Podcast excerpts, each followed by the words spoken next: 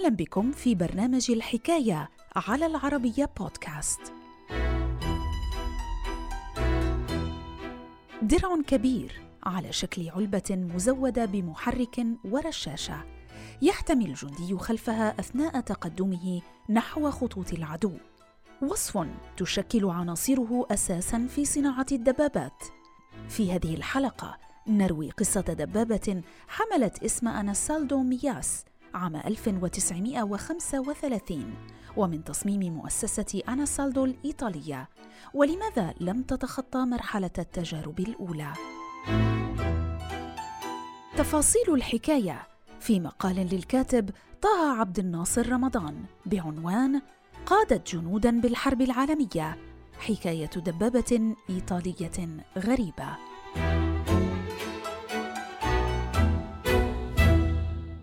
الحكاية. خلال فترة الحرب العالمية الأولى شهد العالم ظهور عدد كبير من نسخ غريبة للدبابات.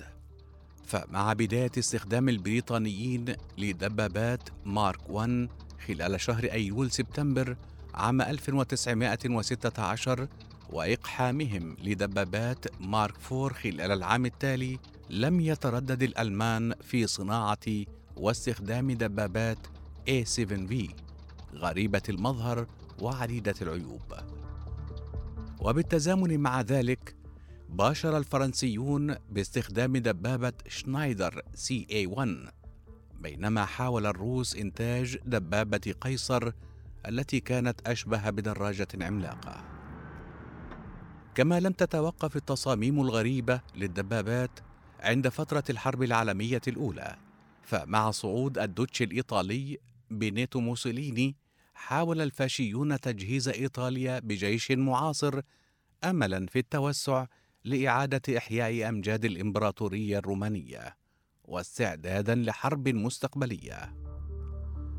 وانطلاقا من تكتيكات الحرب العالمية الأولى التي تركزت لفترة طويلة بالخنادق حاول الإيطاليون إنتاج نوع من الآليات الفردية التي كانت قادرة على قيادتهم نحو خنادق العدو وتوفير الحماية الكافية لهم من وابل الرصاص. في الأثناء مثلت مؤسسة أنسالدو بجنوة أحد أهم منتجي الأسلحة بإيطاليا حيث عملت الاخيره على صناعة العديد من أنواع المدافع وأبراج الدبابات كما تعاونت أيضا كثيرا مع مؤسسات إيطالية عملاقة أخرى في هذا المجال كانت أبرزها مؤسسة فيات.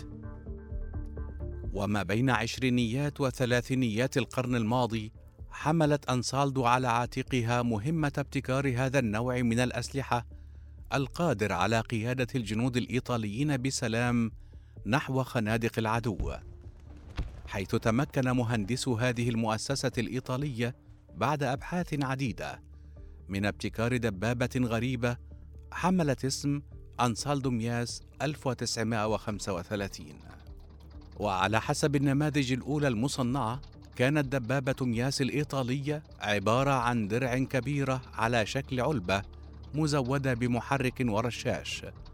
احتمى الجندي خلفها أثناء تقدمه نحو خطوط العدو. من جهة ثانية لم تكن لهذه الدبابة إيه كراس واضطر الجندي خلفها لاستخدام قدميه للمشي والتنقل معها خلال تقدمها.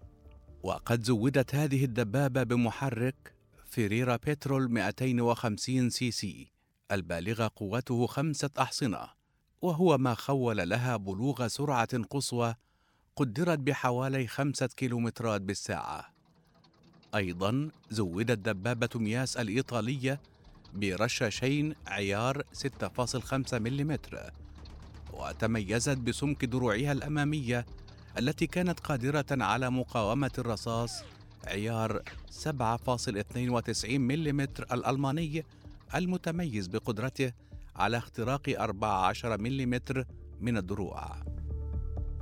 وإضافة للمياس لم تتردد مؤسسة أنسالدو في وضع تصاميم لنموذج آخر من هذه الدبابة حمل اسم موراس.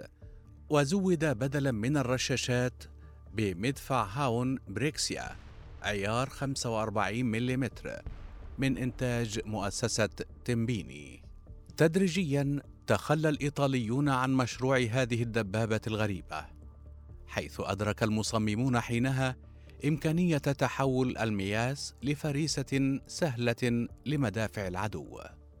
فضلا عن ذلك شهد مجال صناعة الدبابات بأوروبا تطورا هاما وهو ما جعل هذه الدبابة الإيطالية متخلفة خاصة مع حديث كثيرين عن تغيير التكتيكات الحربية مقارنة بتلك التي كانت موجودة في الحرب العالمية الأولى.